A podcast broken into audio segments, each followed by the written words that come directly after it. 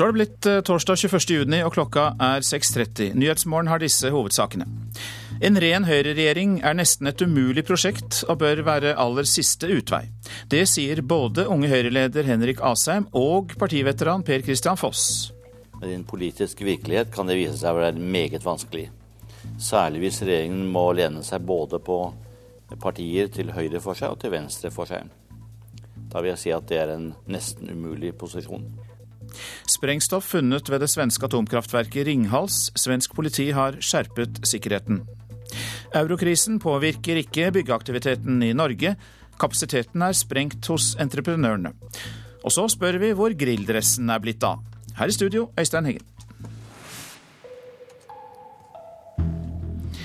En ren høyreregjering er nesten et umulig prosjekt, og bør være aller siste utvei dersom dagens opposisjonspartier får flertall ved stortingsvalget neste år. Det sier partiveteran Per Christian Foss og Unge Høyre-leder Henrik Asheim. Tidligere denne uka pekte KrF-leder Knut Arild Hareide på at det kan bli en ren høyreregjering etter valget. Det tviler Per Christian Foss sterkt på. Jeg skjønner at det for mange høyrefolk er en drøm. Det er ikke så rart spørsmålet melder seg. Høyre ligger over 30% i meningsmålinger. Småpartiene KrF og Venstre har lite lyst til å regjere sammen med Frp. På mandag peker KrF-leder Knut Arild Hareide på et alternativ. Eksempelvis finnes det da en mulighet for en ren høyreregjering òg. Men det vil slett ikke sentrale høyrefolk. Ringreven Per Christian Foss er en av dem. Med din politiske virkelighet kan det vise seg å være meget vanskelig. Særlig hvis regjeringen må lene seg både på partier til høyre for seg og til venstre for seg. Da vil jeg si at det er en nesten umulig posisjon. Ungdommen, da? Rein høyreregjering, unge Høyre-leder Henrik Asheim. Ja, Da mener jeg det er det siste alternativet vi bør gå for. Han tror ei slik regjering vil få kort levetid. Nei, Jeg er redd for at en ren høyreregjering vil være da utsatt for veldig mye spill i Stortinget. Fordi det vil være mange partier som har interesse av å flagge sine kjernesaker alltid. Eh, og som kanskje kan true med å kaste regjeringen her og der. De kan ikke la være å tenke på denne muligheten selv om noe annet er førsteprioritet. Det sier samfunnsdebattant og skribent Jan Arild Snoen. Han tror Høyre gjør lurt i å holde på planen om brei samling. Men de bør også forberede seg på å kunne regjere alene, sier han.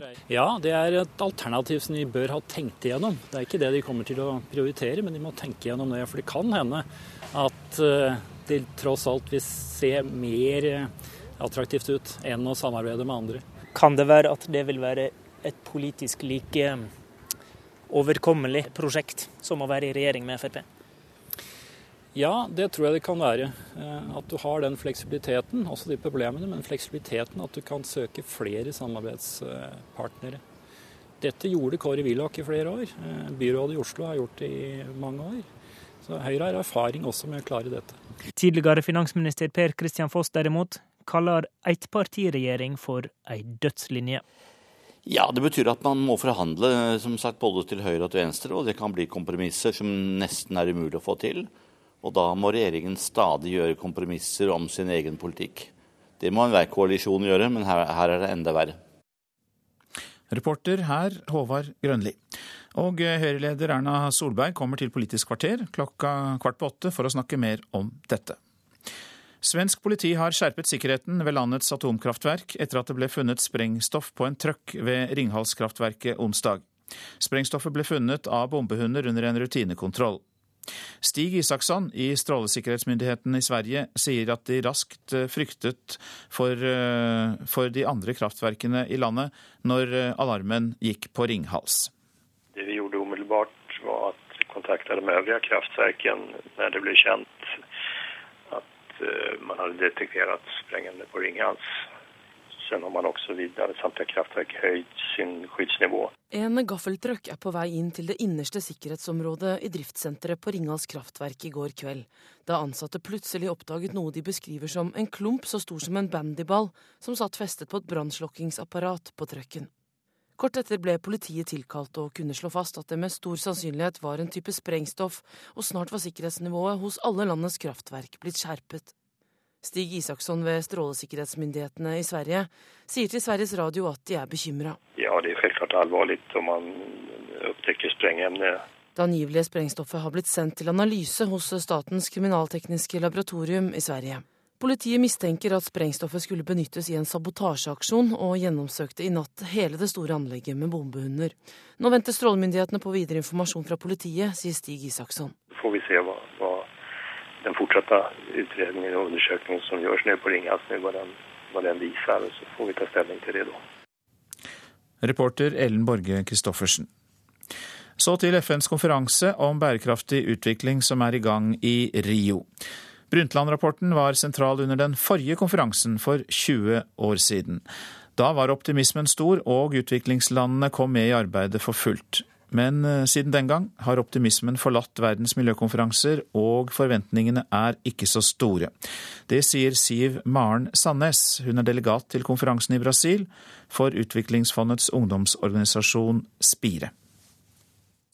Nei, altså forventningene har vært eh, lav, og det har også prega innsatsen vi har sett. Men sivilsamfunnet har eh, vært til stede og har hatt veldig store forventninger. Dessverre så har vi kanskje ikke blitt hørt så mye som vi ønska, og Spire er ikke fornøyd med utfallet sånn som det ser ut nå. Men likevel så har den konferansen her nå danna et grunnlag for fremtidige prosesser som vi kan bygge videre på. Hva mener du med framtidige prosesser? Det har bl.a. blitt satt i gang en prosess med å um, opprette bærekraftsmål, noe som viktig, har vært en veldig viktig sak for Norge. Eh, og vi i Spire har jo jobba en del med å få på plass en ombudsperson, eller en høykommissær for fremtidige generasjoner. Eh, og selv om vi ikke har fått det her klart nok inn i teksten, så har det blitt satt i gang en prosess som vi sammen med andre organisasjoner internasjonalt kan jobbe videre med. Da. Og Hva tror du er grunnen til at uh, interessen er så laber? Vi ser også det i mediene uh, her hjemme. Det er ikke noe veldig stor interesse for denne konferansen uh, i Rio? nei, og det er ganske skuffende. Men nå har det vært forhandlinger i over et år, og de har vært veldig treg. Så jeg tror at uh, underveis så har folk mista interessen fordi at man har sett at det har ikke vært nok ambisjoner eh, blant stater. Man har ikke hatt uh, man har torsa faktisk å, å hatt noen konkrete mål å, å, jobbe mot, og det er veldig synd. Men det er viktige ting. Det er valg i USA, og det er finanskrise i Europa, og verden er i en litt annen situasjon nå enn den var for bare 20 år siden. Hva håper du å få med deg hjem i eh, kofferten, eh, ditt beste håp eh, for denne konferansen når den er over? Mitt beste håp er Altså, vi har hatt en veldig fin og åpen dialog med den norske delegasjonen, og det er vi veldig fornøyd med. Og vi i Spire kommer til å jobbe videre nå fremover med å få oppretta en nasjonal ombudsperson for fremtidige generasjoner. Og Der har vi allerede hatt en veldig fin dialog med Heikki Holmås og resten av den norske delegasjonen. Så der uh, har jeg fått med meg noen viktige kontakter i kofferten. Og også internasjonalt så er det et stort nettverk som jobber mot de samme målene. Og det har vært veldig viktig å fått uh, møtt alle de her menneskene. Siv Maren Sandnes fra Spire. En norsk turist er pågrepet i New York anklaget for å ha prøvd å sette fyr på et hotell på Manhattan. Brannvesenet i byen mener nordmannen står bak to branner i 20. etasje i New Yorker hotell. Turisten ble først sendt til sykehus for behandling av brannskader. Han rømte fra sykehuset, men ble deretter sporet opp og eh, altså pågrepet. Eurokrisen ser ikke ut til å ha påvirket byggeaktiviteten i Norge. I år er det ventet nye bygg og anlegg til svimlende 324 milliarder kroner. Ja, det viser tall fra Byggenæringens Landsforening. I Bergen har entreprenørene så mye å gjøre at de må takke nei til nye lukrative prosjekter.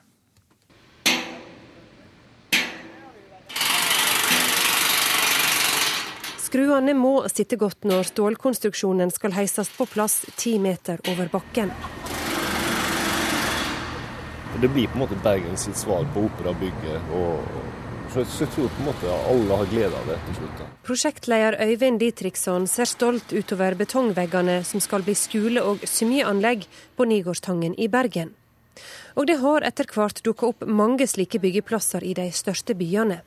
Aktiviteten i år er så høy at entreprenører må takke nei til lukrative prosjekt fordi de ikke har kapasitet til å bygge mer. Det forteller regiondirektør i entreprenørselskapet NCC, Christian Geithus. Nei, nå bygger man mye næring, bolig og offentlig. Så entreprenørene sitter på en, eh, en ordrereserve på veldig store, tunge prosjekter. Det er nok noen år siden man har gjort. Ikke siden før finanskrisa i 2007 har byggenæringa kunnet vise til bedre tall enn nå. Det er venta nye bygg og anlegg i Norge til 324 milliarder kroner i år.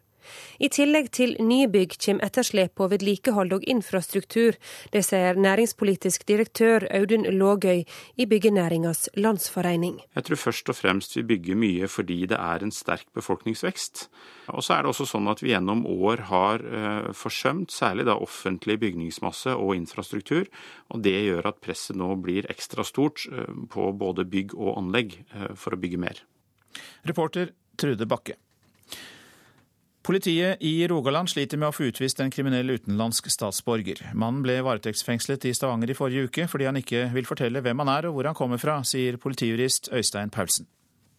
Han har eh, oppgitt en identitet, en påstått identitet, som har vært vanskelig å få verifisert. I uh, mellomtida så har han jo uh, drevet med en god del ulovlig aktivitet, kriminalitet. Nordafrikaneren fikk avslag på sin asylsøknad i 2006, og bare to måneder etterpå begår han et grovt ran i Oslo og dømmes til to års fengsel. Senere er mannen dømt tre ganger i forbindelse med narkotika, sist i Bergen. Men politiet er altså ikke helt sikre på hvem han er. For før han kom til Norge, søkte han asyl i Østerrike. Da sa han at han var iraker. Nå sitter han varetektsfengslet i Stavanger for åtte uker fordi han ikke vil fortelle hvem han er. Han, er, han, har endelig avslag på asyl. Han er varig utvist.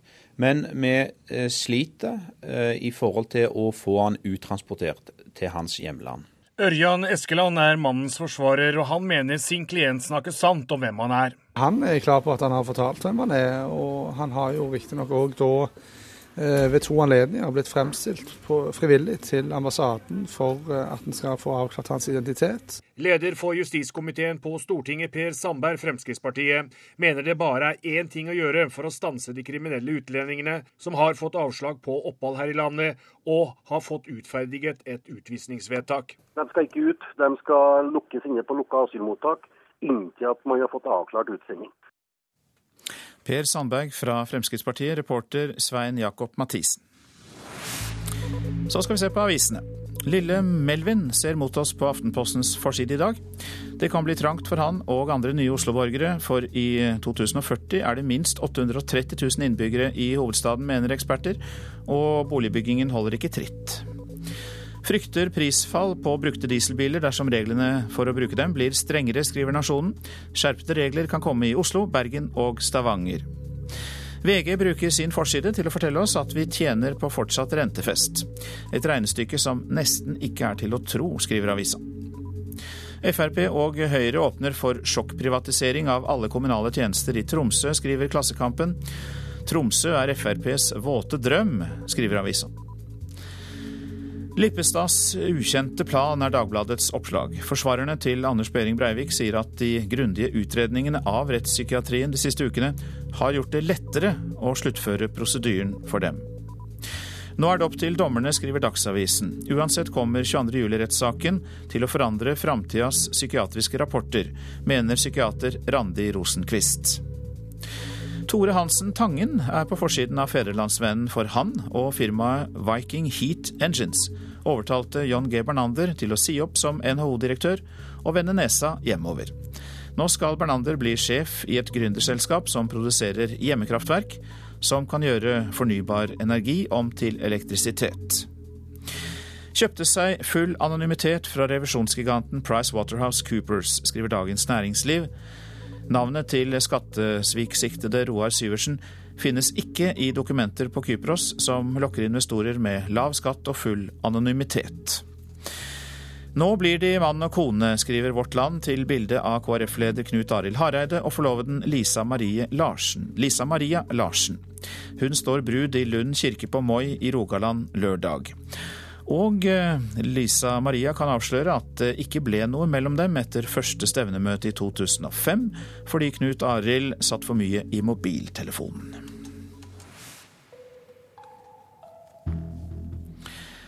Flaut og pinlig. Slik beskrev Stabæk-trener Petter Belsvik innsatsen til eget lag i går, for etter cuptapet for lokalrival og andredivisjonslag Asker var den ellers så sindige treneren rett og slett forbanna. Dette er en flau eh, forestilling eh, fra Stabæk sin side. Det er pinlig, og vi beklager til våre supportere som har tatt turen hit, og til de som holder med oss. For dette er overhodet ikke godt nok. Tabelljumbo i Eliteserien Stabæk tapte fortjent mot Asker på Føyka i går. Motstanderen ligger på sjetteplass i sin andredivisjonsavdeling og tapte for bunnlaget Finnsnes i forrige hjemmekamp. Men i går var de klart best. Hele laget ligger på 75 og som kjent så er ikke vi bedre enn at vi må ha 100% hver eneste kamp skal vi ha sjanse til å vinne fotballkamper. Stabæk kom hjem fra treningsleir i Spania tirsdag kveld, men Belsvik var ikke interessert i å bruke det som noe unnskyldning for det pinlige tapet. Nei, det skulle absolutt eh, bidra til det motsatte. Vi har vært på, et, eh, på flotte forhold, flott gressbane, og det har vi ikke i, i Bærum. Så vi har ikke treningsforhold. Så det de treningsforholdene vi har hatt i Spania har vært ideelle. Reporter på Føyka, Christian Nilsen. Mens Stabæk-treneren skylder på egne mannskaper, så skylder Martin Andresen på dommeren, for også Vålerenga ble kastet ut av cupen. I går ble det tap 1-3 i bortekampen mot Sandefjord etter ekstraomganger, og trener Andresen var skuffet over dommeren. Først så får vi en utvisning som er helt horribel. Også, som selvfølgelig er med å avgjøre kampen i første omgang. Martin Andresen la skylda på dommerne etter at Vålerengas cupeventyr tok slutt i går. Jeg føler vi blir regelrett bortdømt her. For med ti mann måtte til slutt Vålerenga gi tapt i ekstraomgangene mot førstedivisjonslaget Sandefjord. Andresen var svært uenig i det røde kortet, og mente Markus Pedersen burde fått straffe på stillingen 1-1 i sluttsekundene av kampen. Markus kommer igjennom, blir felt. Soleklart straffespark. Hvor han, hvor han ikke dømmer. Så vi, i denne kampen her ble vi rett og slett bortdømt. Det er vel ikke bare dommerens feil? Det er nok det, da. For det er, når du får ti mann, så er det, er det vanskelig. Men allikevel klarer vi, det, klarer vi det, eller skulle ha klart det. Og, og man blir felt. Og, og det, det avgjør kampen. Vålerenga-trener Martin Andresen til reporter Anders Mjåland. Du lytter til Nyhetsmorgen, og klokka den går mot 6.48, og vi har disse hovedsakene. En ren høyreregjering er nesten et umulig prosjekt og bør være aller siste utvei. Det sier både unge Høyre-leder Henrik Asheim og partiveteran Per Christian Foss. Sprengstoff funnet ved det svenske atomkraftverket Ringhals. Svensk politi har skjerpet sikkerheten. Og vi har hørt at eurokrisen ikke påvirker byggeaktiviteten i Norge. Kapasiteten er sprengt hos mange entreprenører.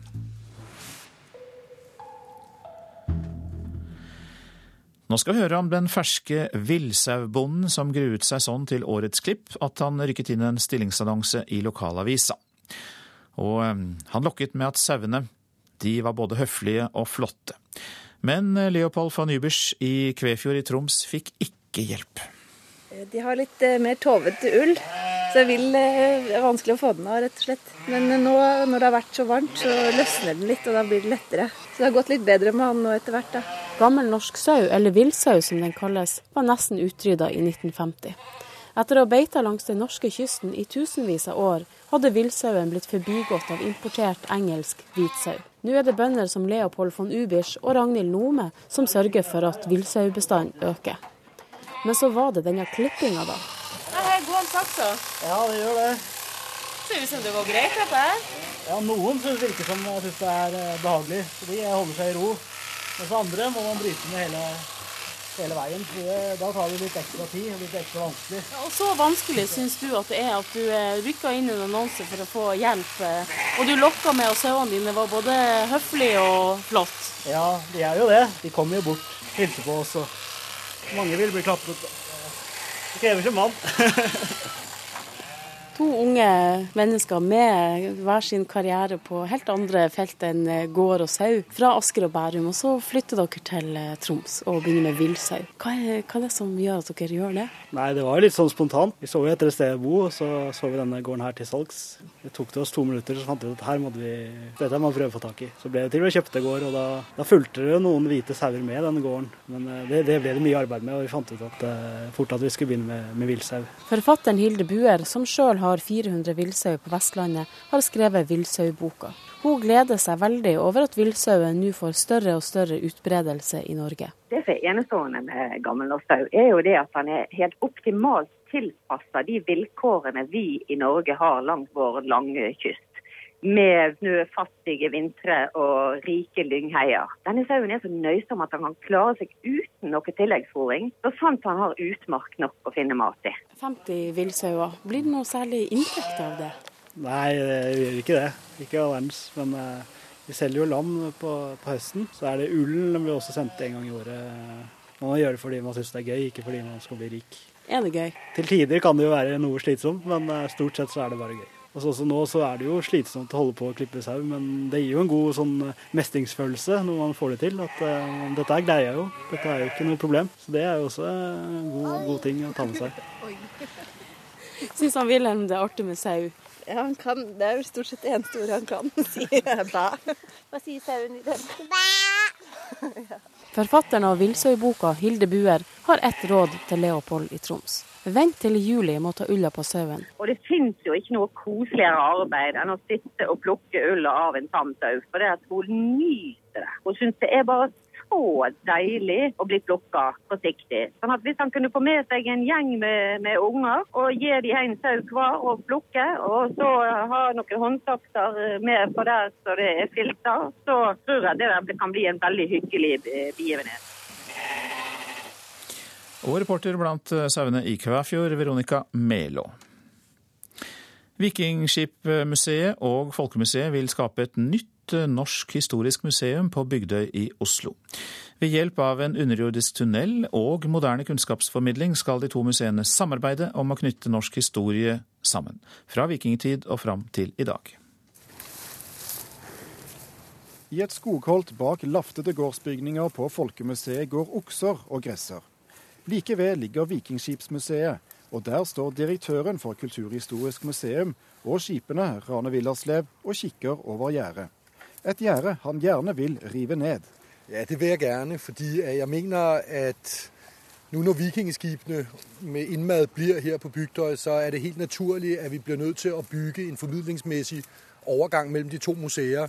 Det er på tide å få i stand et slags norsk historisk museum, der publikum endelig kan få oppleve en komplett norgeshistorie fra vikingtiden og frem til vår egen tid. Noe av det der mangler uh, herude, det er jo f.eks. en reise mellom de hedenske skipe og den kristne stavkirke. På en hverdag før ferien er det fortsatt flest utlendinger som kommer for å se på vikingskipene.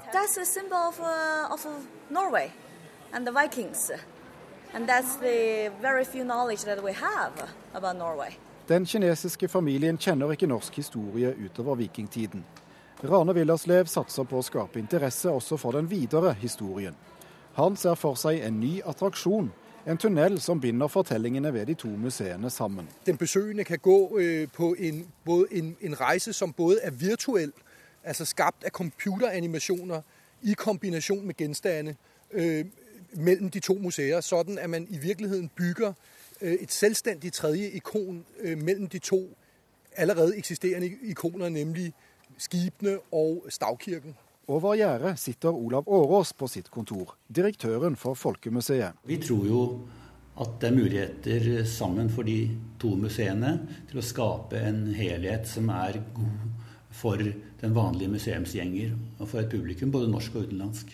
Men her må vi snakke sammen både om det organisatoriske og om det faglige. Den formelle planleggingen begynner nå, og det er mye å finne ut av. De to direktørene er enige om at det ikke skal være en sammenslåing, men et tett samarbeid, som kanskje bør fremstå som én opplevelse for publikum. Men hvor tett?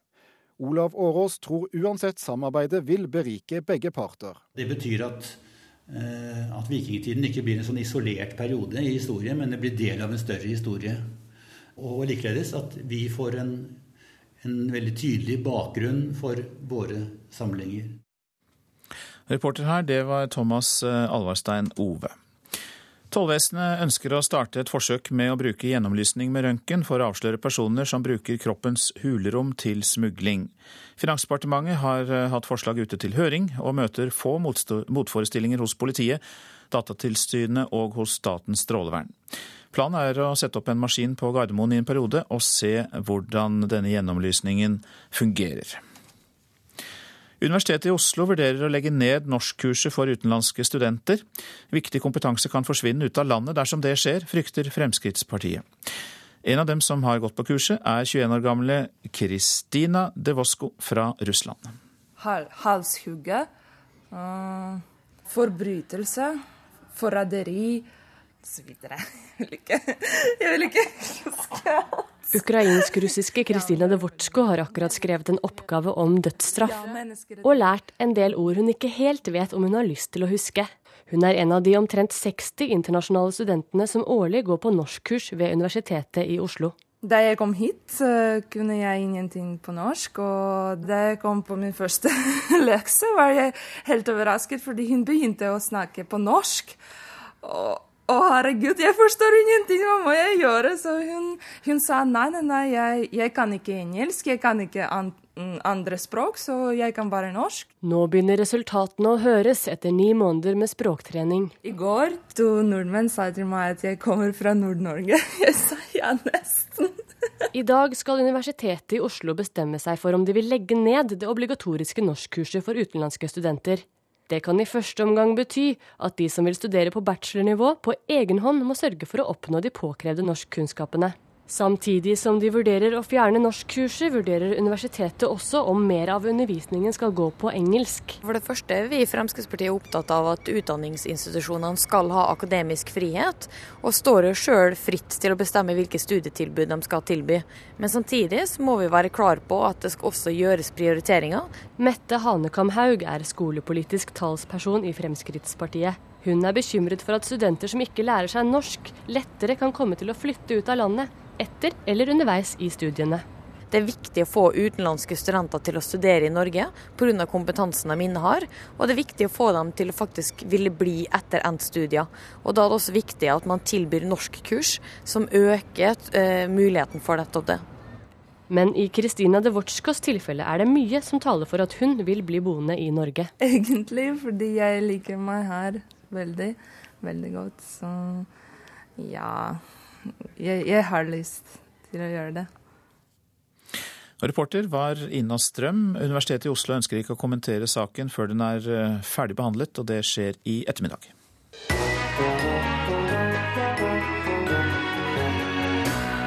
Hvilket krydder er hovedstaden i Oman?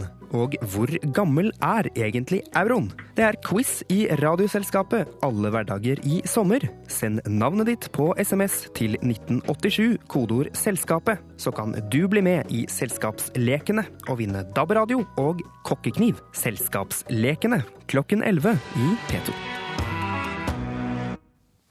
Så er det værvarselet, og hovedoverskriften for mye av landet er vel da lite vind og mye pent. La oss ta fjellet i Sør-Norge først, for det meste pent vær.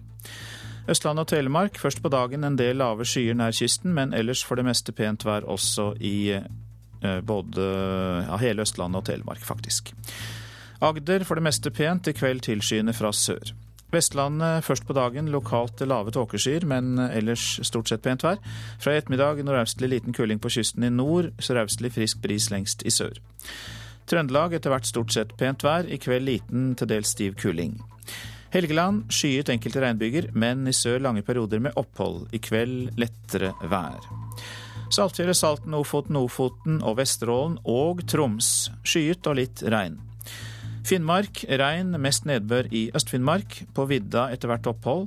I kveld blir det stiv kuling ytterst på kysten av Øst-Finnmark. Til slutt Nordensjøland på Spitsbergen for det meste opphold og gløtt av sol. Temperaturer målt klokka fem. Det er ikke kommet inn temperaturer fra Svalbard, Varde og Molde, men her er da de andre målingene. Kirkenes seks, Alta og Tromsø begge sju, Bodø ni, Brønnøysund åtte, Trondheim ni. Bergen-Flesland 7 grader, Stavanger 8, Kristiansand-Kjevik 7. Gardermoen og Lillehammer begge hadde 8 grader, Røros 6 og Oslo-Blindern hadde 9 grader klokka fem i natt.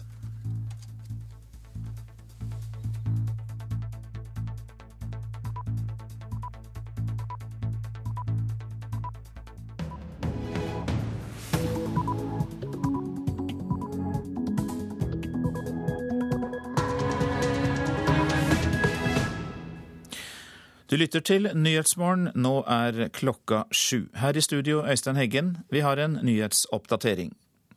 Tre av fire nordmenn mener Anders Behring Breivik er mentalt frisk nok til å sone straffen sin i fengsel. Det viser en spørreundersøkelse som er gjort for NRK. Jeg tror han eh, er frisk nok, vet hva han har gjort. Lenge vurdert dette, planlagt og utstudert.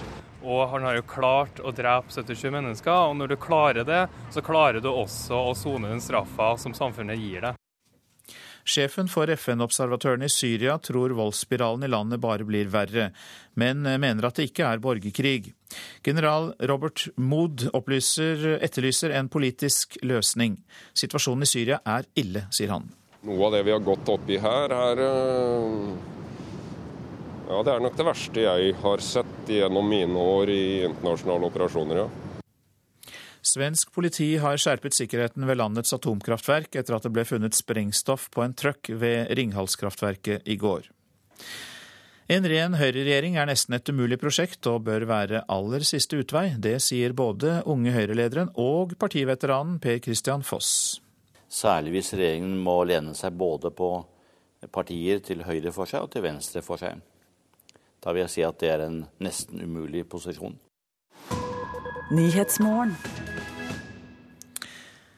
Tre av fire nordmenn mener altså at Anders Behring Breivik er mentalt frisk nok til å sone straffen sin i fengsel. Det viser en spørreundersøkelse analysebyrået Norstat har gjennomført for NRK.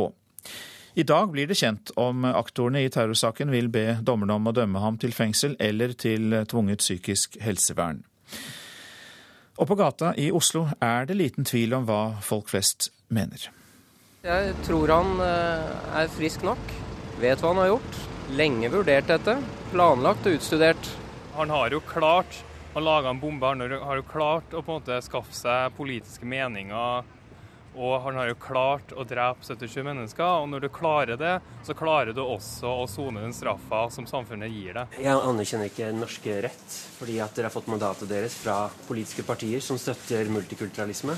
Med runde kinn og et stivt blikk lener Breivik seg fram over bordet i rettssalen i Oslo.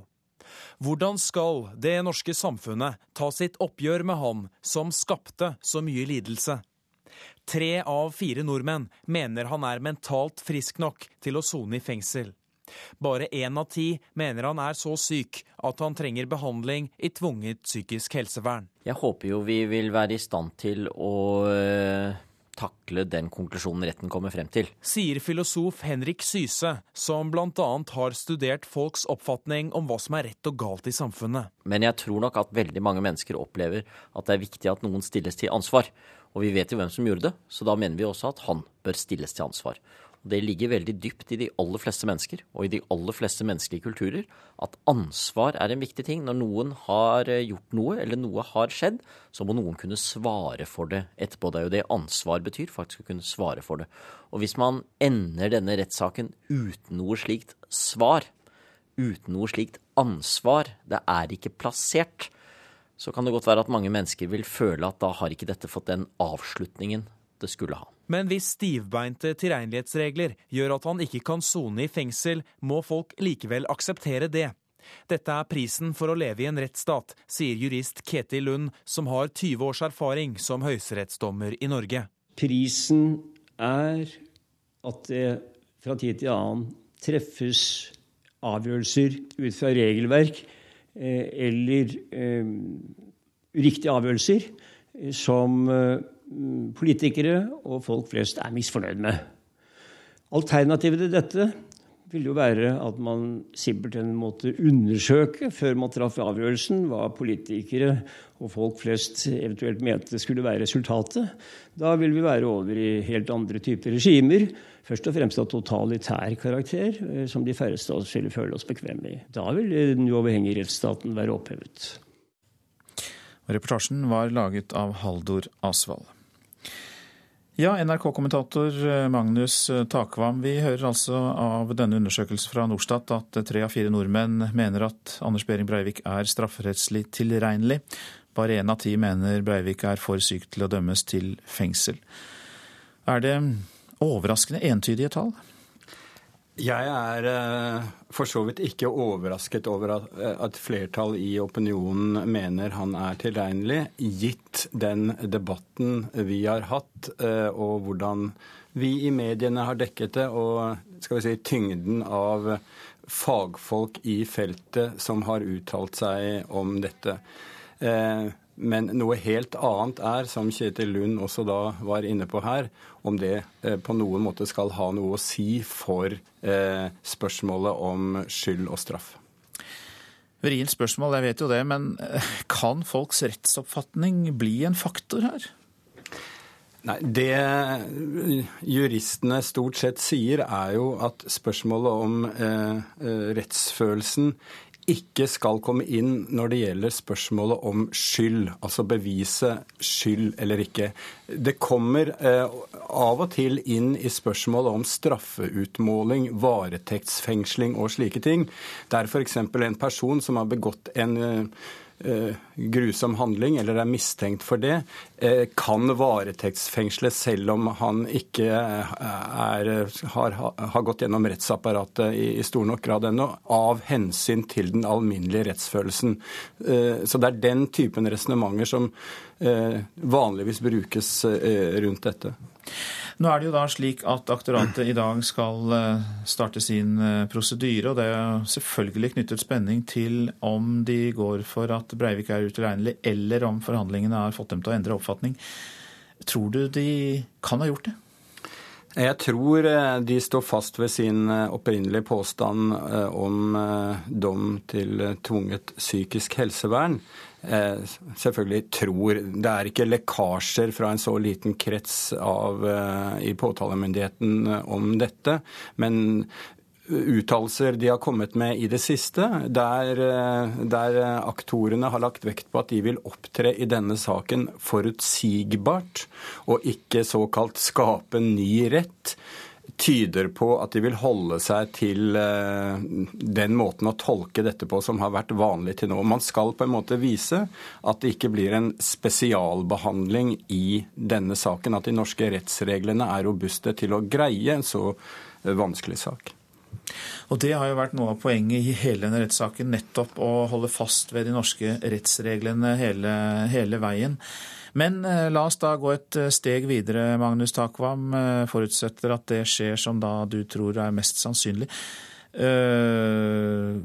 Hva kan da dommerne gjøre med dette? Hvordan står de i forhold til dette da? For de skal jo ta den endelige avgjørelsen.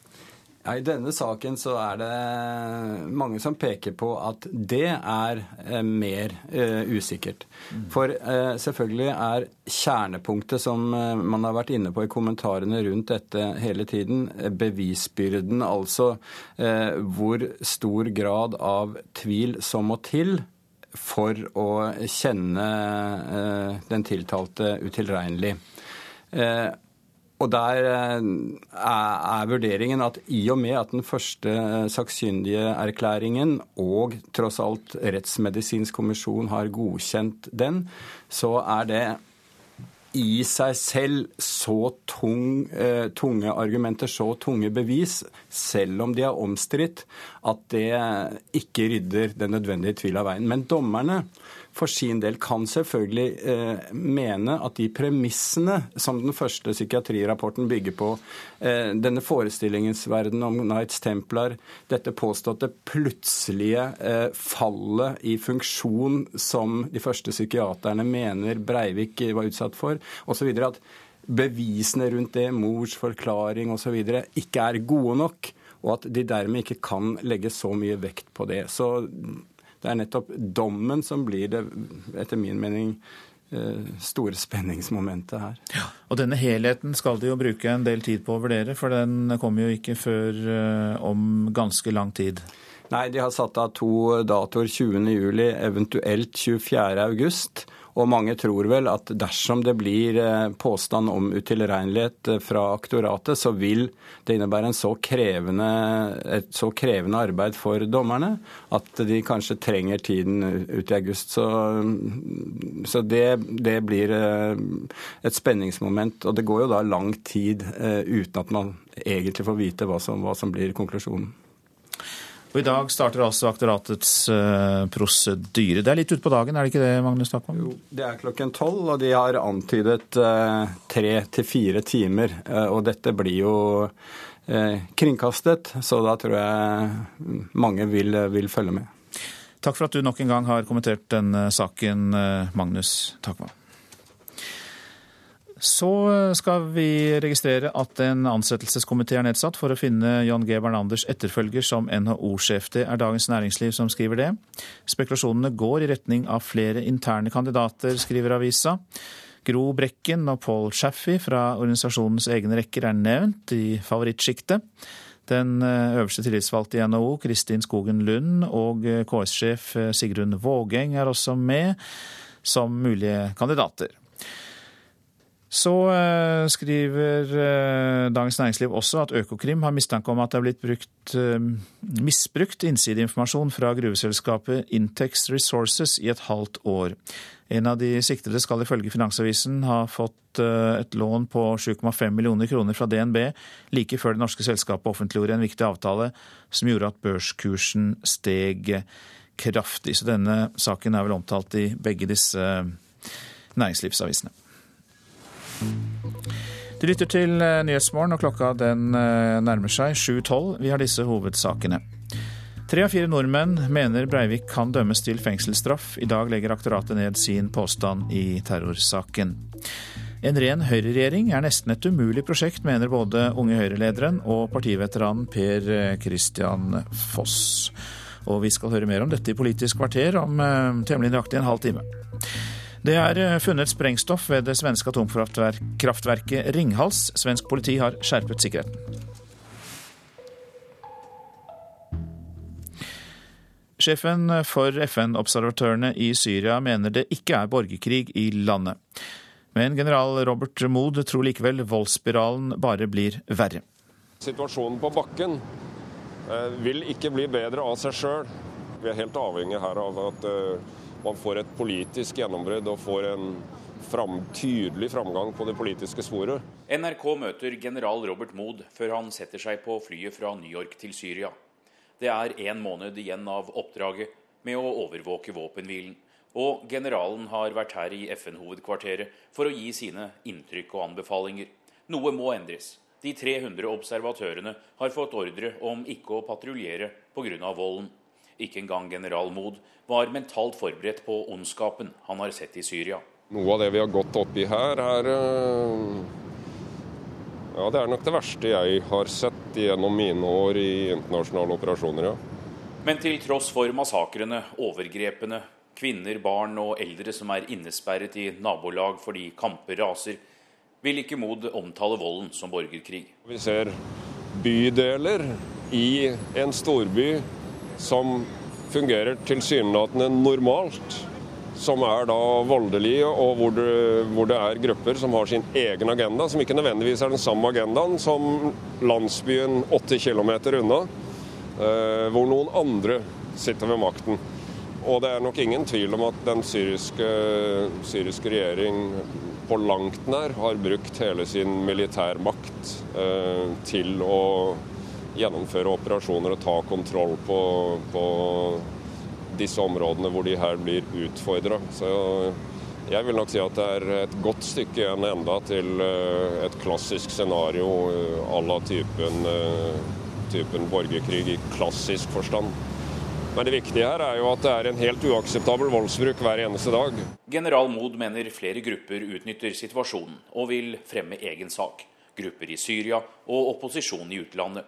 Det er utfordrende å danne et korrekt bilde av hva som skjer, mener sjefen for FN-observatørene. Alle de forskjellige faktorene har sin egen motivasjon for å skape et bilde, en agenda, hvor man da kan legge skylden på en eller flere av de andre. F.eks. når vi går inn i Hola, Al-Kubeir, disse stedene hvor det har vært massakrer, så er vi i stand til å verifisere fakta ut fra det vi ser på bakken. Men vi er ikke i stand til å trekke de endelige konklusjoner om hvem som gjorde hva i hvilken rekkefølge. Og jeg kan ikke utelukke at uh, det er andre hendelsesforløp som kan være mulig, enn det som synes å være de mest iøynefallende, de konklusjonene man trekker umiddelbart. Og I dette kompliserte bildet, hvor det er en generasjonsdimensjon, det er en stammedimensjon, det er en sekterisk dimensjon, det handler om redistribuering av uh, makt. Så jeg tror man skal være veldig varsom i Syria med å se på dette som et svart-hvitt bilde. Og da vil man gå glipp av nyanser som vil gjøre det fryktelig vanskelig å bringe denne krisen videre på en produktiv måte og i en fredelig retning. Det er ventet at Sikkerhetsrådet tar stilling til observatørstyrken om drøye to uker. Anders Tvegård, New York. Så eh, nevner vi at Ecuador vil ta seg god tid til å vurdere asylsøknaden til Wikileaks-grunnlegger Julian Assange. Landets president sier at Ecuador tar eh, alvorlig Assanges påstander om at han risikerer dødsstraff i USA. Assange oppholder seg altså i Ecuadors ambassade i London mens han venter på utfallet av asylsøknaden.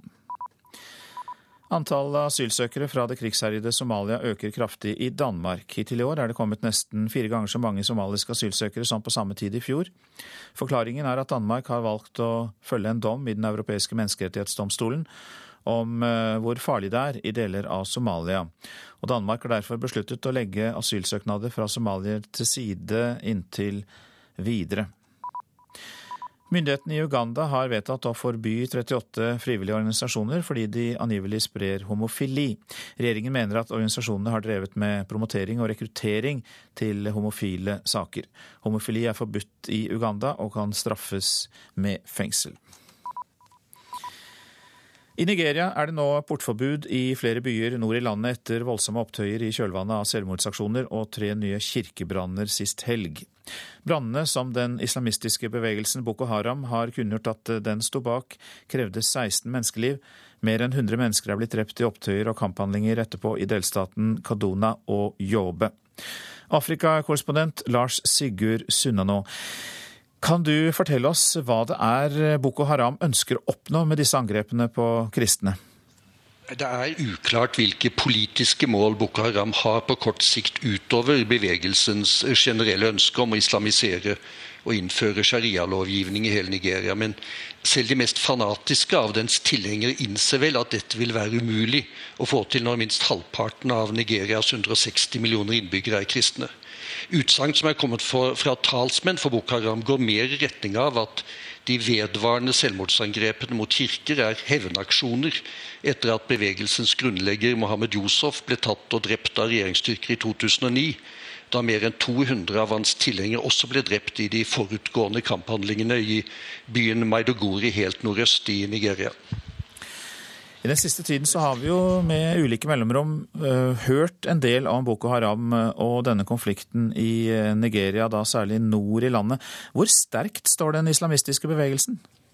Ja, Det kan virke som den står stadig sterkere. President Goodluck Jonathan har jo gjentatte ganger sagt at regjeringen har kontroll over situasjonen i delstatene der Boko Haram slår til.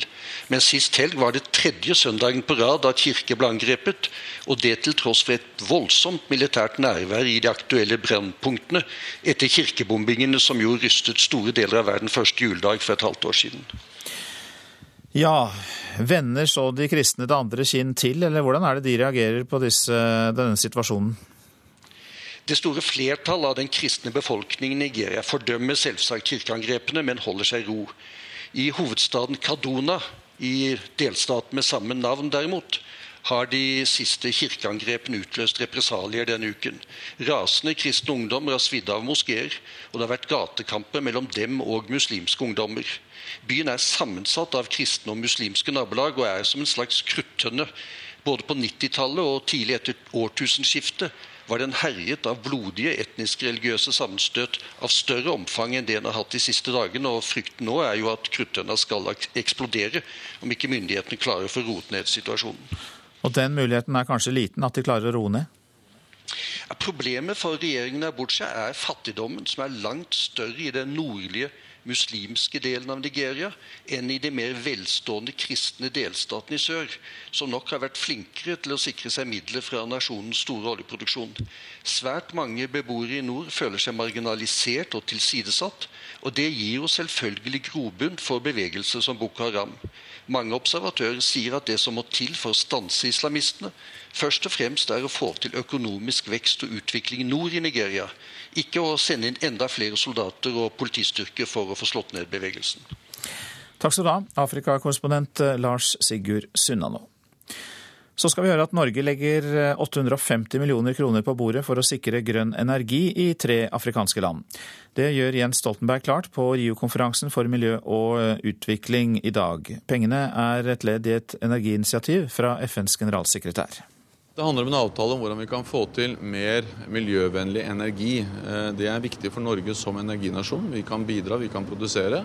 Statsminister Jens Stoltenberg signerer i kveld norsk tid en avtale med Etiopia, Kenya og Liberia som sikrer de tre landene til sammen 850 millioner kroner til ren elektrisk strøm. Utviklingsminister Heikki Holmås utdyper. Vi skal gå inn og backe opp under landene sine planer for å sørge for energieffektivisering, fornybar energisatsing. Det betyr lys i husene, varme på kjøkkenet, men med renere strøm enn parafin og kull. Kenya f.eks. har en målsetning om å, om å, sørge for å fjerne alle parafinlamper og erstatte det med LED-lys istedenfor.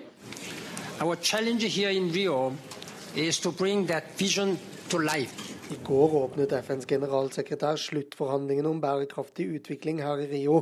Senere i dag holder statsministeren Norges hovedinnlegg, hvor ren strøm og bevaring av skog er hovedpunkter. Strømmen i Afrika og skogen i Brasil og Indonesia har det til felles at norske penger kommer først når man kan vise til resultater. Vi støtter med andre ord ikke prosjektene eh, før de er i gang, men vi støtter dem når de klarer å levere resultater. Det tror jeg er på en, måte en, en god måte å sørge for at vi får fremdrift på. Denne finansieringsmodellen som vi har snakket om, bidrar ikke den til at man må ta opp unødvendig masse lån? Det er mye bedre å ta opp lån og få til strukturer for investeringer og kjøping av lokale ovner og lokal produksjon av ovner, der vi leverer når resultatene kommer. Det gjør det mer attraktivt for private til å være med på å investere i dette og rulle ut stort. Og det gjør det også mulig for folk å ja, ha forutsigbarhet for inntektene sine i fremtiden. Så dette mener jeg er riktig. Denne resultatbaserte bistanden er også modell for skogsatsingen i Brasil. Av flere kritisert for at pengene blir stående lenge på norsk konto. Nettopp fordi resultatene lar vente på seg. Holmås mener likevel skogsatsingen er et eksempel til etterfølgelse. Det, det, å sørge for at det da blir resultatbasert, det gjør da at eh, landene har et sterkere eierskap til dette. De vet at hvis vi får fremdrift, så får, kommer også pengene. Det er gode gulrøtter for å få til det de vil. Reporter i Rio de Janeiro, Lars Nehru Sand. Her i Nyhetsmorgen eh, leser vi i avisene på morgenkvisten, og eh, vi tar for oss Aftenposten først, for der ser lille Melvin mot oss. Det kan bli trangt for han og andre nye Oslo-borgere, for i 2040 er det minst 830 000 innbyggere i hovedstaden, og boligbyggingen holder ikke tritt med det. Frykter prisfall på brukte dieselbiler dersom reglene for å bruke dem blir strengere, skriver Nasjonen. Skjerpede regler kan komme i Oslo, Bergen og Stavanger. VG bruker sin forside til å fortelle oss at vi tjener på fortsatt rentefest. Et regnestykke som nesten ikke er til å tro. Frp og Høyre åpner for sjokkprivatisering av alle kommunale tjenester i Tromsø, skriver Klassekampen. Tromsø er FrPs våte drøm, skriver avisa. Lippestads ukjente plan er Dagbladets oppslag. Forsvarerne til Anders Behring Breivik sier at de grundige utredningene av rettspsykiatrien de siste ukene har gjort det lettere for dem å sluttføre prosedyren. Nå er det opp til dommerne, skriver Dagsavisen. Uansett kommer 22. juli-rettssaken til å forandre framtidas psykiatriske rapporter, mener psykiater Randi Rosenquist. Tore Hansen Tangen er på forsiden av Fedrelandsvennen, for han og firmaet Viking Heat Engines overtalte John G. Bernander til å si opp som NHO-direktør og vende nesa hjemover. Nå skal Bernander bli sjef i et gründerselskap som produserer hjemmekraftverk, som kan gjøre fornybar energi om til elektrisitet. Kjøpte seg full anonymitet fra revisjonsgiganten PricewaterhouseCoopers, skriver Dagens Næringsliv. Navnet til skattesviksiktede Roar Syversen finnes ikke i dokumenter på Kypros som lokker investorer med lav skatt og full anonymitet. Nå blir de mann og kone, skriver Vårt Land til bildet av KrF-leder Knut Arild Hareide og forloveden Lisa Marie Lars, Maria Larsen, som eh, står brud i Lund kirke på Moi i Rogaland lørdag. Lisa Maria kan avsløre at det ikke ble noe mellom dem etter første stevnemøte i 2005, fordi Knut Arild satt for mye i mobiltelefonen. Hvor er grilldressen blitt av? Jakke og bukse i samme matchende stoff ser ut til å ha forsvunnet sporløst fra campingmiljøet her i landet. Vi har tatt turen til Jølstraholmen camping i Sogn og Fjordane for å finne ut om eh, grilldressen fortsatt lever. Nei. Aldri har jeg sett den.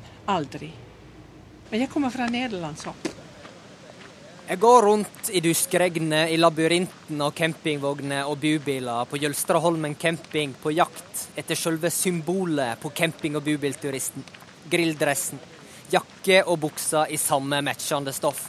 Mange år siden. Jeg har ikke sett noe siden. Ikke på mange år. Er det sant? ja, helt sant. Det tror jeg er lenge siden, ja. Ingen. Så rart. Det er rart, ja. Det er ikke bare jeg som syns det er rart, altså. Jeg tenkte da synet som kom til å møte meg på Jølstraholmen camping, var campingturister som sto bøygde over grillen og niskrubba for å få vekk det størkna fettet fra baconpølsen som ble grilla på countrytreffet på Breim i fjor. Grilldressen i grønt og lilla var nyvaska, tenkte jeg, og hengte til tørk mens klokka tikka mot bubilsesong. Men den er vanskelig å finne. Ja, den er helt vekke. Det, det er ikke tema. Det er, ikke, det er ingen som snakker om det lenger. Mener Bjarte Sunde i bubil- og campingvognbutikken Caravan Vest på Skilbrei. De selger 40 eininger i året og har all slags folk innom som vil ha seg et lite hus på hjul, men ikke grilldressene. Det er ikke noen spesielle grupper lenger. Vi har eh, fra eh, ungdom i tidlig 20-åra og den eldste som vi har her som er innom titt og ofte, han er passert 80 år. Tilbake på Jølstraholmen. Campingplasssjef Eli Hjelmbrekk har bra oversikt over hvordan gjestene hennes ser ut. Heller ikke hun har sett stort til grilldressen i sommer. De finnes jo kanskje, gjør det jo helt sikkert, men uh, vi har ikke de her. Vi hadde én her i helga som hadde cowboyhatt, men hadde ikke grilldress. På Jølstraholmen tror de grunnen til at grilldressen er så vanskelig å finne, er at den rett og slett er ut. Ja, den mister sin eh, aktualitet, for å si det sånn. Jeg vet ikke faktisk, men eh, folk har blitt, eh, er blitt et helt annet eh, folkeslag, for, for å si det spont. Men kanskje det var en trend å ha den dressen, eh, kanskje?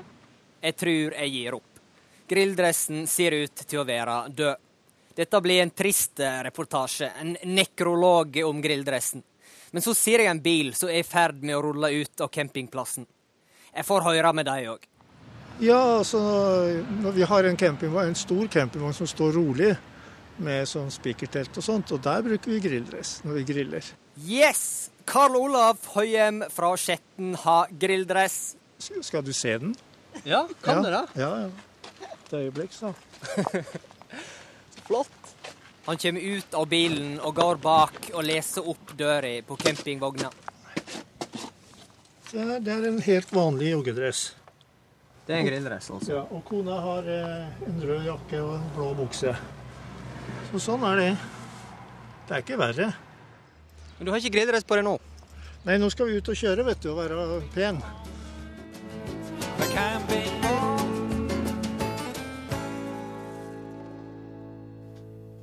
Og reporter var Torbjørn Selseng.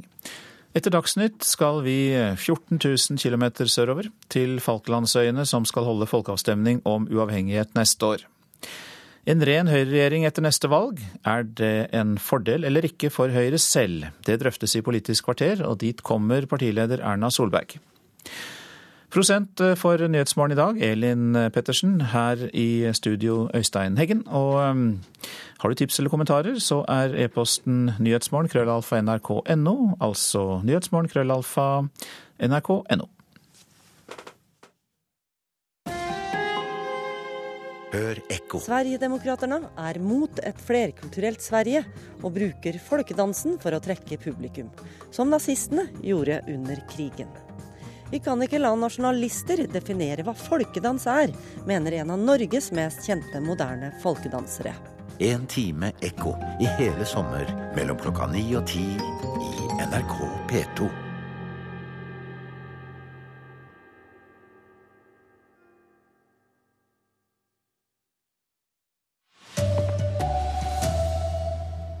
De aller fleste nordmenn mener Breivik bør dømmes til fengselsstraff. Høyretopper vil ikke ha en ren høyreregjering. Og det er funnet sprengstoff ved et atomkraftverk i Sverige. Her er NRK Dagsnytt, klokka er 7.30. Tre av fire nordmenn mener Anders Behring Breivik er mentalt frisk nok til å sone straffen sin i fengsel.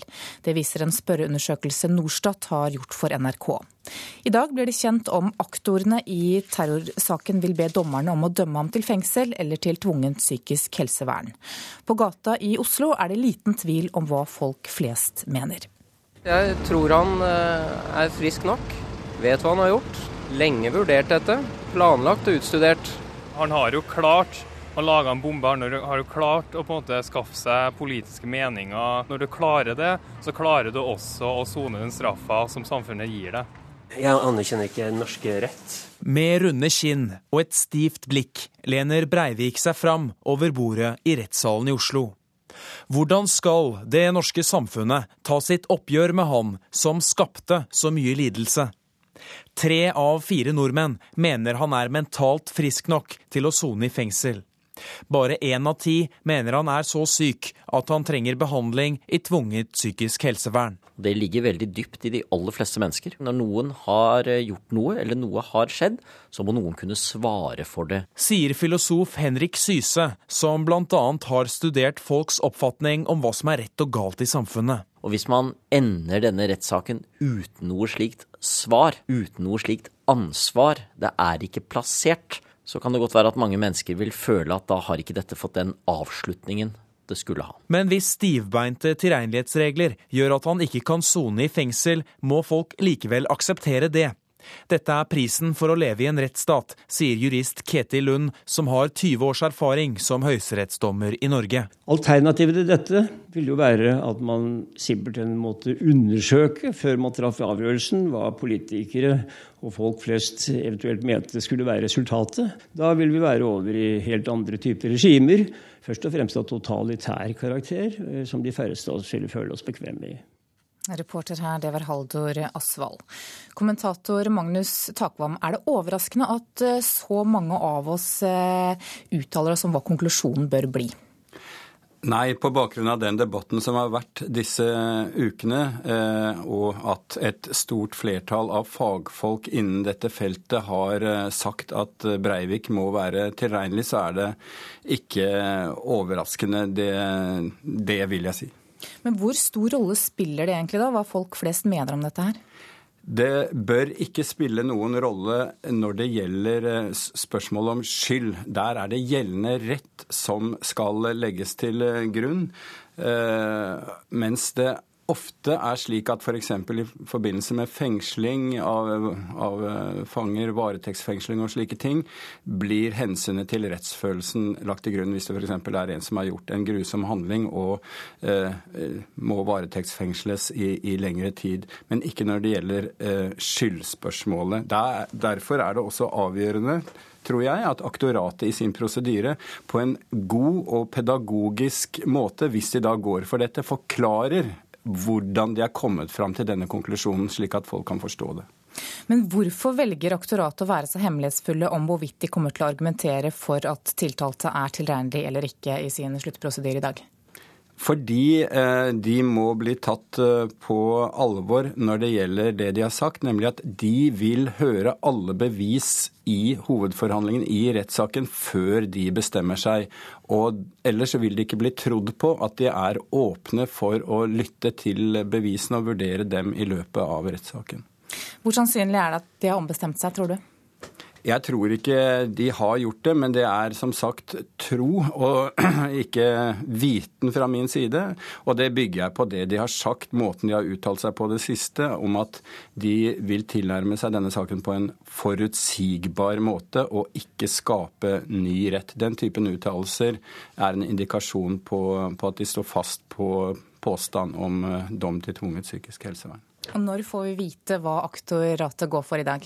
De starter sin prosedyre klokka tolv. Eh, konklusjonen kommer eh, ikke med en gang, så man må lese premissene og argumentasjonen for å, for å tolke det. Men i løpet av tre-fire timer så vet man deres påstand helt sikkert. Og så blir det opp til dommerne selvfølgelig etter hvert.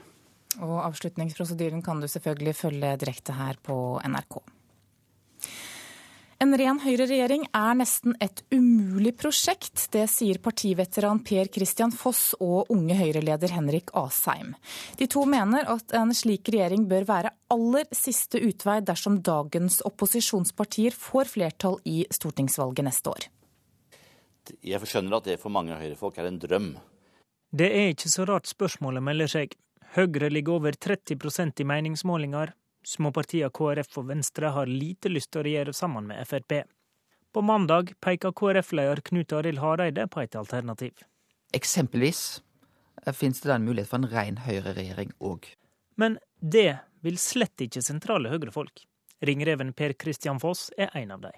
Med din politiske virkelighet kan det vise seg å være meget vanskelig. Særlig hvis regjeringen må lene seg både på partier til høyre for seg og til venstre for seg. Da vil jeg si at det er en nesten umulig posisjon. Ungdommen, da? Rein Høyre-regjering, unge Høyre-leder Henrik Asheim. Ja, Da mener jeg det er det siste alternativet vi bør gå for. Han tror ei slik regjering vil få kort levetid. Nei, Jeg er redd for at en ren høyreregjering vil være da utsatt for veldig mye spill i Stortinget. Fordi det vil være mange partier som har interesse av å flagge sine kjernesaker alltid. Eh, og som kanskje kan true med å kaste regjeringen her og der. Tidligere finansminister Per Christian Foss kaller ettpartiregjering for ei dødslinje. Ja, det betyr at man må forhandle som sagt, både til høyre og til venstre, og det kan bli kompromisser som nesten er umulig å få til. Og da må regjeringen stadig gjøre kompromisser om sin egen politikk. Reporter var Håvard Grønli, og Høyre-leder Erna Solberg oppsummerer det politiske halvåret i Politisk kvarter i P2 klokka 7.45. Og Høyre og Arbeiderpartiet er like store, ifølge junimålingen fra Opinion Perduco for Avisenes nyhetsbyrå. Høyre går frem 2,7 prosentpoeng til 30,7% Arbeiderpartiet går tilbake 1,1 prosentpoeng og ender også på 30,7. Målingen viser at Høyre tar flere velgere fra Fremskrittspartiet, som går tilbake med 3 prosentpoeng til 15,6 Sikkerhetsnivået ved svenske kraftverk er skjerpet. Årsaken er at det er funnet sprengstoff ved kraftverket Ringhals. Politiet gjennomsøkte i natt hele det store anlegget med bombehunder. Tommy Nyman ved politiet i Halland sier at de frykter et forsøk på sabotasje. Vi utgår jo fra at det er et sabotasje. Det er den brottsmistanke som vi jobber etter på. En klump sprengstoff på størrelse med en mindre knyttneve satt festet på et brannslukkingsapparat på en gaffeltrøkk som var på vei inn i det innerste sikkerhetsområdet på Ringals kraftverk i Sverige. Sprengstoffet ble oppdaget ved en rutinekontroll. Kort tid etter ble politiet tilkalt, og snart var sikkerhetsnivået hos alle svenske kraftverk skjerpet. Det forteller Stig Isaksson ved strålesikkerhetsmyndighetene i Sverige til Sveriges Radio. Det vi gjorde umiddelbart, kontakta de övriga kraftverken när det blev känt at eh, man hade detekterat sprängande på Ringhals. Nå venter strålemyndighetene på videre informasjon fra politiet, sier Isaksson. Så får vi se hva, hva den fortsatte utredningen og undersøkelsen som gjøres nede på Ringhals, hva den, hva den viser. Så får vi ta stilling til det da. Det skal ikke ha vært fare for eksplosjon ved kjernekraftverket. Reporter var Ellen Borge Christoffersen. Det blir ingen cupfinale på Vålerenga denne sesongen. I går tapte laget 1-3 borte mot Sandefjord etter ekstraomganger i cupens tredje runde. Men etter kampen var trener Martin Andresen mer skuffa over dommeren enn over egne spillere. Først så får vi en utvisning som er helt horribel. Martin Andresen la skylda på dommerne etter at Vålerengas cupeventyr tok slutt i går. Jeg føler vi blir regelrett bortdømt her. Andresen var svært uenig i det røde kortet, og mente Markus Pedersen burde fått straffe på stillingen 1-1 i sluttsekundene av kampen. Markus kommer igjennom, blir felt. Soleklart straffespark. Det er vel ikke bare dommerens eh, feil? Det er nok det, da. For det er, eh, når du får ti mann, så er det, er det vanskelig. Men allikevel klarer vi det, klarer vi det, eller skulle ha klart det. Og Vålerengas supportergruppe Klanen mener nå at trener Martin Andresen bør gå av. Også Hønefoss og Stabæk røk ut av cupen i går. Og reporter her, det var Anders Mjåland. Ansvarlig for denne dagsnyttsendingen var Arild Svalbjørg, teknisk ansvarlig Hans Ole Hummelvold og her i studio Anne Jetlund Hansen.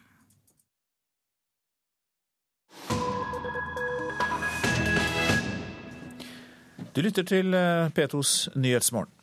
Innbyggerne på de omstridte Falklandsøyene utenfor Argentina skal holde folkeavstemning om uavhengighet til neste år. Noe av hensikten er å vise argentinske myndigheter hva folket selv ønsker. Men mulighetene for store olje- og gassforekomster i havområdene rundt bidrar nok også til at ordkrigen om Falklandsøyene blir stadig sterkere.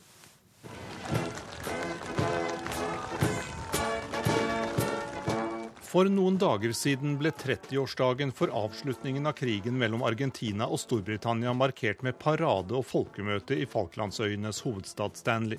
Mer enn 900 argentinske og britiske soldater mistet livet i krigen i 1982.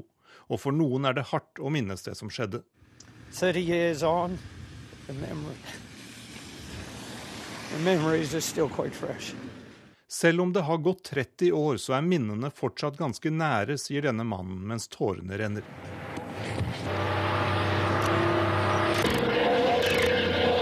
Argentinske styrker okkuperte Falklandsøyene i løpet av kort tid i april 1982.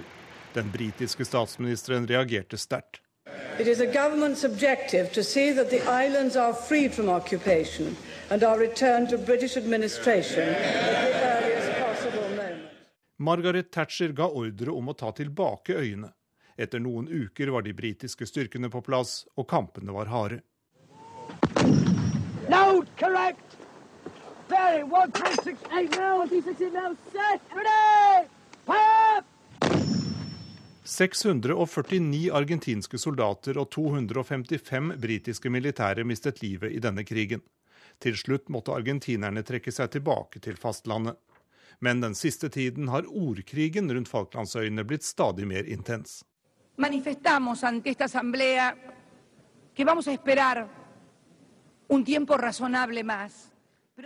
Den argentinske presidenten Cristina Fernandez arbeider aktivt i FN for å få øyene tilbake til Argentina.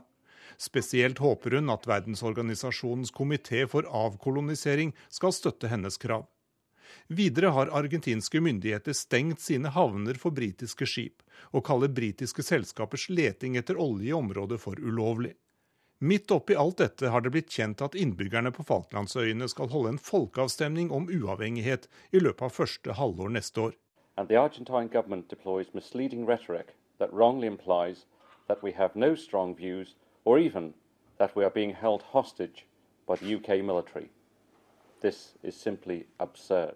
Den argentinske regjeringen hevder at vi som bor på øyene blir holdt som gisler av britiske militære. Det er absurde påstander, sier Gavin Short, som er medlem av øyenes lovgivende forsamling. Han er en av initiativtakerne til folkeavstemningen, og sier at noe av hensikten er å vise argentinerne en gang for alle hva innbyggerne selv ønsker. Men i bakgrunnen ligger olje- og gassforekomstene i havet utenfor og lurer. Mange er interessert i dem any resources, any uh, taxes from the oil go to the Falkland Islands government. It doesn't go to the British government. So... Fortjenesten på fremtidig utvinning av olje og gass vil gå til myndighetene her på Falklandsøyene, og ikke til Storbritannia, sier Lisa Watson, som er redaktør i avisa Penguin News i Stanley. Men sannheten er nok at både argentinske og britiske interesser også gjerne vil ha mest mulig av denne kaka. Den planlagte folkeavstemningen vil helt åpenbart gi et rungende ja til fortsatt nær tilknytning til Storbritannia. Det er tross alt britiske myndigheter som er falklendernes sikkerhetsgaranti. Vi støtter folkeavstemningen, sier Storbritannias statsminister David Cameron. Han er overbevist om at folk på øyene vil fortsette å være britiske. Mens argentinerne hevder at øyene ble stjålet fra dem i 1833, og at de før eller siden må returneres til moderlandet. Og reporter her, det var Jan Espen Krus. Dette er hovedsakene i Nyhetsmorgen. Tre av fire nordmenn mener Breivik kan dømmes til fengselsstraff. I dag legger aktoratet ned sin påstand i terrorsaken. Sjefen for FN-observatøren i Syria, general Robert Mood, mener det ikke er borgerkrig i landet, men tror likevel voldsspiralen bare blir verre. Sikkerhetsnivået ved svenske kjernekraftverk eh, har blitt skjerpet etter at det ble funnet sprengstoff på kraftverk på kraftverket Ringhals. Alene eller ikke alene, jeg lurer på om det er et stikkord for deg i Politisk kvarter, Veronica Westrin? Ja, det er det. Det skal handle om Høyre. En ren høyreregjering er nemlig et nesten umulig prosjekt, og siste utvei, mener flere sentrale politikere i partiet. Nå får du vite hva Erna Solberg mener.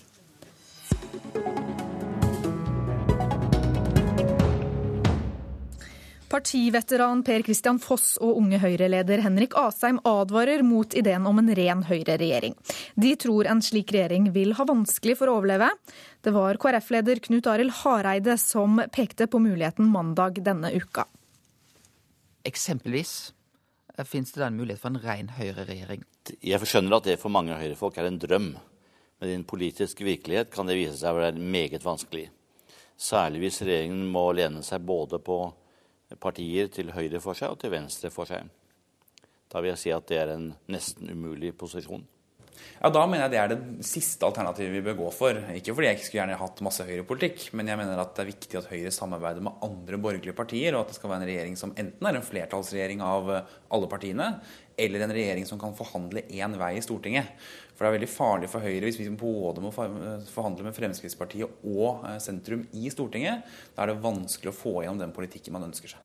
De kan ikke la være å tenke på denne muligheten, selv om noe annet er førsteprioritet. Konservativ skribent Jan Arild Snoen tror arbeidet for brei samling er fornuftig. Men han mener også ei ren Høyre-regjering kan være et like politisk overkommelig prosjekt som ei Høyre-Frp-regjering. Ja, det tror jeg det kan være. Eh, at du har den fleksibiliteten, også de problemene, men fleksibiliteten at du kan søke flere samarbeidspartnere. Velkommen til deg, Erna Solberg. Vil du avvise Hareides forslag om en ren Høyre-regjering? Altså, vår strategi er gjennomdiskutert også forholdet til spørsmålet om en ren, ren høyreregjering. Vår primære ønske er at alle fire partiene finner ut av det. At de kan sitte i regjering med hverandre. Og så har vi sagt at en ren Høyre-regjering som ikke kommer ut av at den har et veldig klart og tydelig flertall bak seg, det er på en måte sistevalget vårt av borgerlig regjering. Og det skyldes nettopp det som Henrik Asheim sa i denne rapporten. Det er vanskelig for en regjering som må forhandle to veier og klare å få konsistent, langsiktig politikk.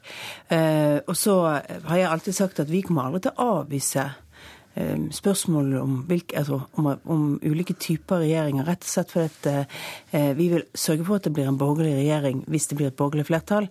Men det er ikke noe ønske fra oss.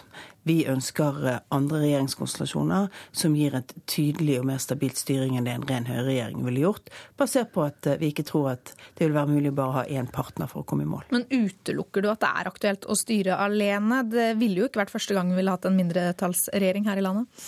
Nei, men det som er veldig tydelig for oss, er at vi ønsker en firepartiregjering. Det er det vi jobber etter. Så utelukker jeg ingen regjeringsalternativer på borgerlig side istedenfor en regjering utgått av eh, Arbeiderpartiet eller på venstresiden i Norge. Men eh, målet er noe helt annet, og derfor så jobber vi veldig for at vi skal få til et borgerlig samarbeid.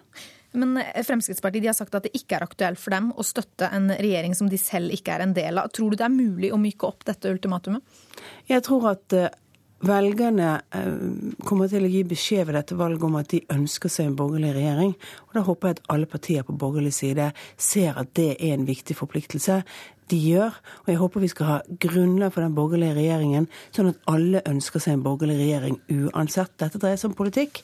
Vi er i startfasen på noe som er, er kanskje tettere samarbeid fremover. Vi venter på at eh, KrF eh, klargjør sitt standpunkt endelig, men vi er veldig glad for det eh, KrFs leder har sagt denne uken. Men Fremskrittspartiet skal være en del av en slik regjering? Altså Fremskrittspartiet er en del av grunnlaget for et regjeringsskifte på borgerlig side. Det har alle parter faktisk nå tror jeg, innrømt og sett. Eh, der må de også ønske seg et regjeringsskifte. I går kunne vi lese i Dagbladet FrPs krav til asylsøkere for å få permanent oppholdstillatelse. Hvordan ser du på det utspillet? Jeg mener at eh, integreringspolitikken i Norge ikke skal drives med pisk hele tiden. Jeg mener vi skal ha noen viktige og tydelige krav, som at alle har plikt til å forsøke å forsørge seg selv. Alle har plikt til å delta i integreringen, lære seg norsk. Men støtter du disse kravene? Nei, men jeg synes det er veldig viktig å si at nei, vi støtter ikke en del av disse kravene. Jeg mener at det er bekymringsfullt hvis altfor mange unge jenter føler et press mot å være hijab og ikke kunne kle seg som andre norske ungdommer. Det er en debatt vi må ta, ikke med forbud og lov, etter Høyres mening, men det er en debatt vi må ta gjennom eksempelets makt, diskusjonen, og si at valgfrihet skal gjelde for alle barn, alle jenter, alle som vokser opp i vårt samfunn. Men du sier at du ikke støtter alle disse kravene. Vanskeliggjør slike utspill et samarbeid med Fremskrittspartiet? Det vil være deler av Fremskrittspartiets politikk som vi ikke er enig i, på samme måte som det er deler av Venstres politikk vi ikke er enig i, på samme måte som deler av KrFs politikk som vi ikke er enig i. Eh, jeg mener at det er et grunnlag for å forhandle med alle disse partiene om det vi er enige om, og det vi er såpass nære på at det kan gi et godt grunnlag for politikken fremover. Hvor viktig er det for deg å ha med KrF og Venstre på laget? Altså, Jeg mener det er viktig i det lange løpet å sørge for at alle de fire partiene jeg definerer som ikke-sosialistiske, eh, som er i opposisjon i dag, bidrar i et tettere samarbeid i årene fremover. Kanskje ikke bare i neste periode, men for fremtiden. Fordi vi har noen felles ting som vi står for. Vi står for at folk skal ha mer innflytelse i sitt eget liv. Vi står for at folk skal ha større grad av valgfrihet. Det skal være større maktspredning i vårt samfunn. Vi står for at næringslivet må ha gode rammebetingelser. Det er altså kjernebiten for å kunne finansiere velferden vår fremover. Der, I de skjæringspunktene her så er det faktisk veldig mye alternativ politikk til måten regjeringen driver på i dag. og så burde kunne realisere et enda bedre, sterkere Norge med et velferdsgrunnlag som er bedre finansiert enn det det er i dag. Men Hvordan tolker du det Hareide foreslår, altså en ren høyreregjering? Jeg hører at han har gjort uh, høyttenkning. Det er klart at andre partier kan tenke at de kan få mer innflytelse over en ren høyreregjering som da må ha større problemer med å bevege seg fremover. Uh, men jeg tror han er også veldig klar over at vi ønsker veldig klare forpliktende samarbeidsløsninger. Og aller helst å ha med oss flere partnere, aller helst de fire sammen. Vi var inne på FrPs ultimatum i forhold til regjeringsdannelse, men vil det å følge handlingsregelen være ditt ultimate krav til et samarbeid med Frp? Det å føre en økonomisk ansvarlig politikk er grunnlag for at Høyre sitter i regjering. Høyre sitter ikke i noen regjering som ikke fører en økonomisk eh, ansvarlig politikk. Og i Norge i dag så er den eh, er den identifisert med å følge handlingsregelen. Men jeg mener at dagens regjering følger jo ikke handlingsregelen. For handlingsregelen besto ikke bare i hvor mye penger du skulle bruke, den besto også i hva vi skulle bruke penger på. Denne regjeringen har ikke brukt de nye pengene på å bygge vekstkraften i norsk økonomi. De har brukt for lite på forskning, utdanning, de har brukt for lite på å fremme et skattesystem som er godt for det norske næringslivet, og de har brukt for lite av disse pengene på infrastrukturinvesteringer for fremtiden. Og dermed så er det sånn at du kan ikke blindt lukke lukke øynene for å si at hva du bruker penger på, kan faktisk være like viktig for velferdsutviklingen i Norge fremover som det bare hvor mye penger du bruker. Men nå vet vi at Frp ønsker å løfte investeringer ut fra statsbudsjettet. Hva har du sagt til dem om det?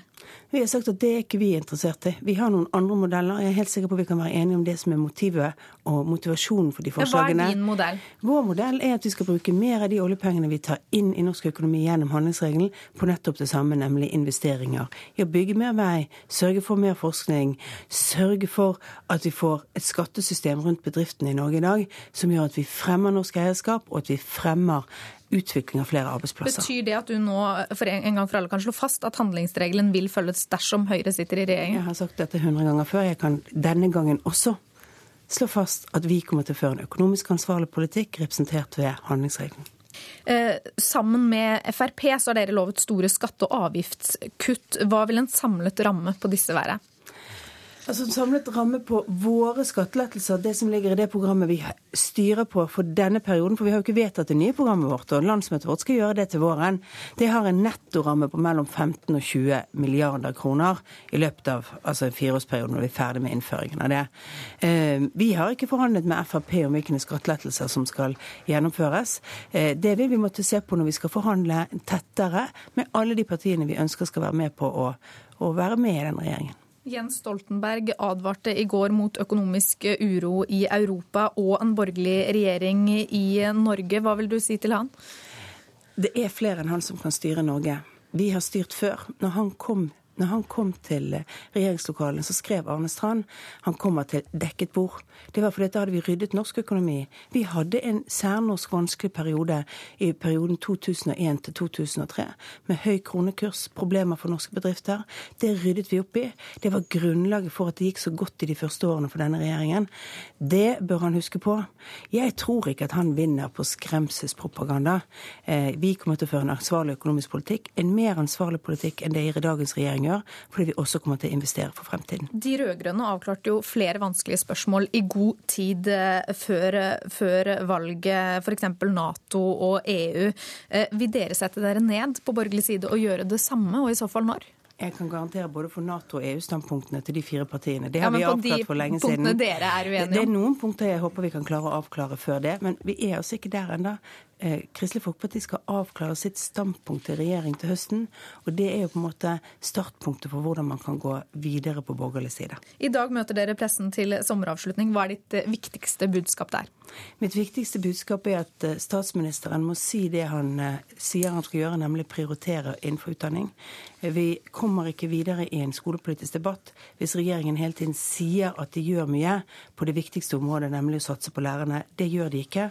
Det kommer jeg til å bruke tid på på min eh, pressekonferanse. Takk til deg, partileder Erna Solberg.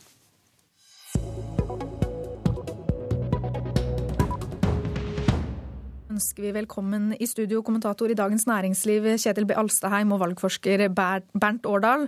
Erna Solberg står altså på at hun ikke ønsker en ren høyreregjering. Er det eh, lurt av henne? Ja, det tror jeg. For det ville være veldig vanskelig, sånn som det var inne på her tidligere, å skulle forhandle både til, eh, mot sentrumspartiene og Fremskrittspartiet. En ting er at det blir vanskelig i hver enkeltsak, men der, når du har en partner i regjering, så blir det et mer langsiktig, forpliktende forhold. Som gjør at du, du forhandler ikke bare om det enkelte budsjettet, men du, du må tenke hvordan skal vi samarbeide og få dette samarbeidet til å holde over flere år. Jeg tror det, det er også viktig der. Ja, Bernt Årdal, hvorfor ønsker ikke Solberg en ren Høyre-regjering? Nei, jeg er helt enig i det Alstheim sier. Jeg tror det, det, å, det, å, på en måte knytte En ting å kalle det binding, en annen ting å knytte dem nærmere til.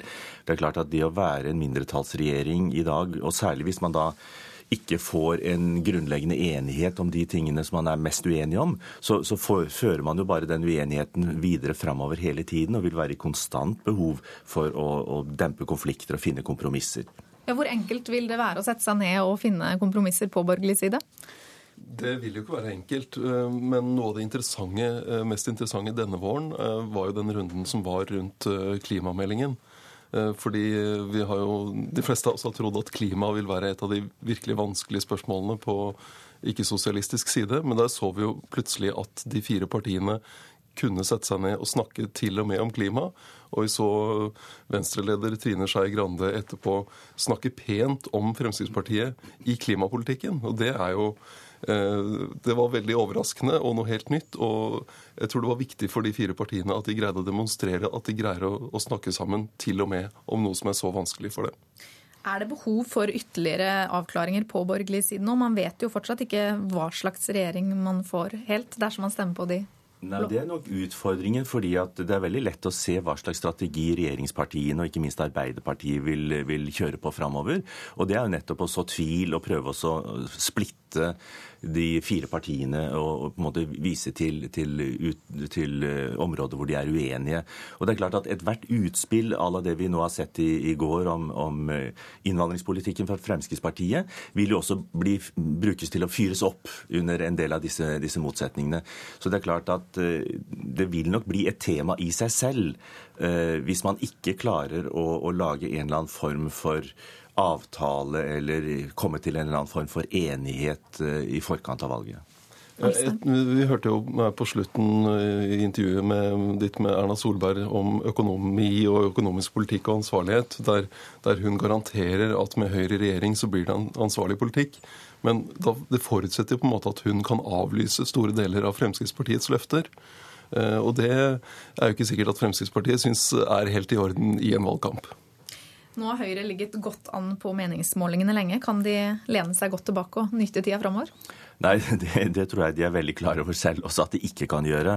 Men, men, det er en veldig spesiell situasjon at de nå faktisk ligger i gjennomsnittet for juni. De målingene som har vært i juni, viser at man ligger nøyaktig samme nivå som man hadde i 1981, som var på en måte den store høyrebølgen som man snakket om. Eh, og det, har vært veldig gode, det er veldig gode tall bak disse målingene, at de har veldig høy lojalitet osv. Og, så og de sanker velgere omtrent fra samtlige partier. Men klart at i det så ligger det også et lite faresignal, for det kan bety at det ikke er en veldig klar politisk retning på en del av den velgertilstrømningen man nå har. Og at dette da kanskje kan være litt utsatt når man kommer til valgkampen, hvor, hvor motsetningene blir litt tydeligere og skarpere. Ja, Kjapt til deg, altså. Ja, Høyre har jo sin oppsummering i dag, sånn som alle, alle, partiene har nå etter stortingssesjonen. Og Høyre er det eneste partiet som serverer vin på sin oppsummerende pressekonferanse.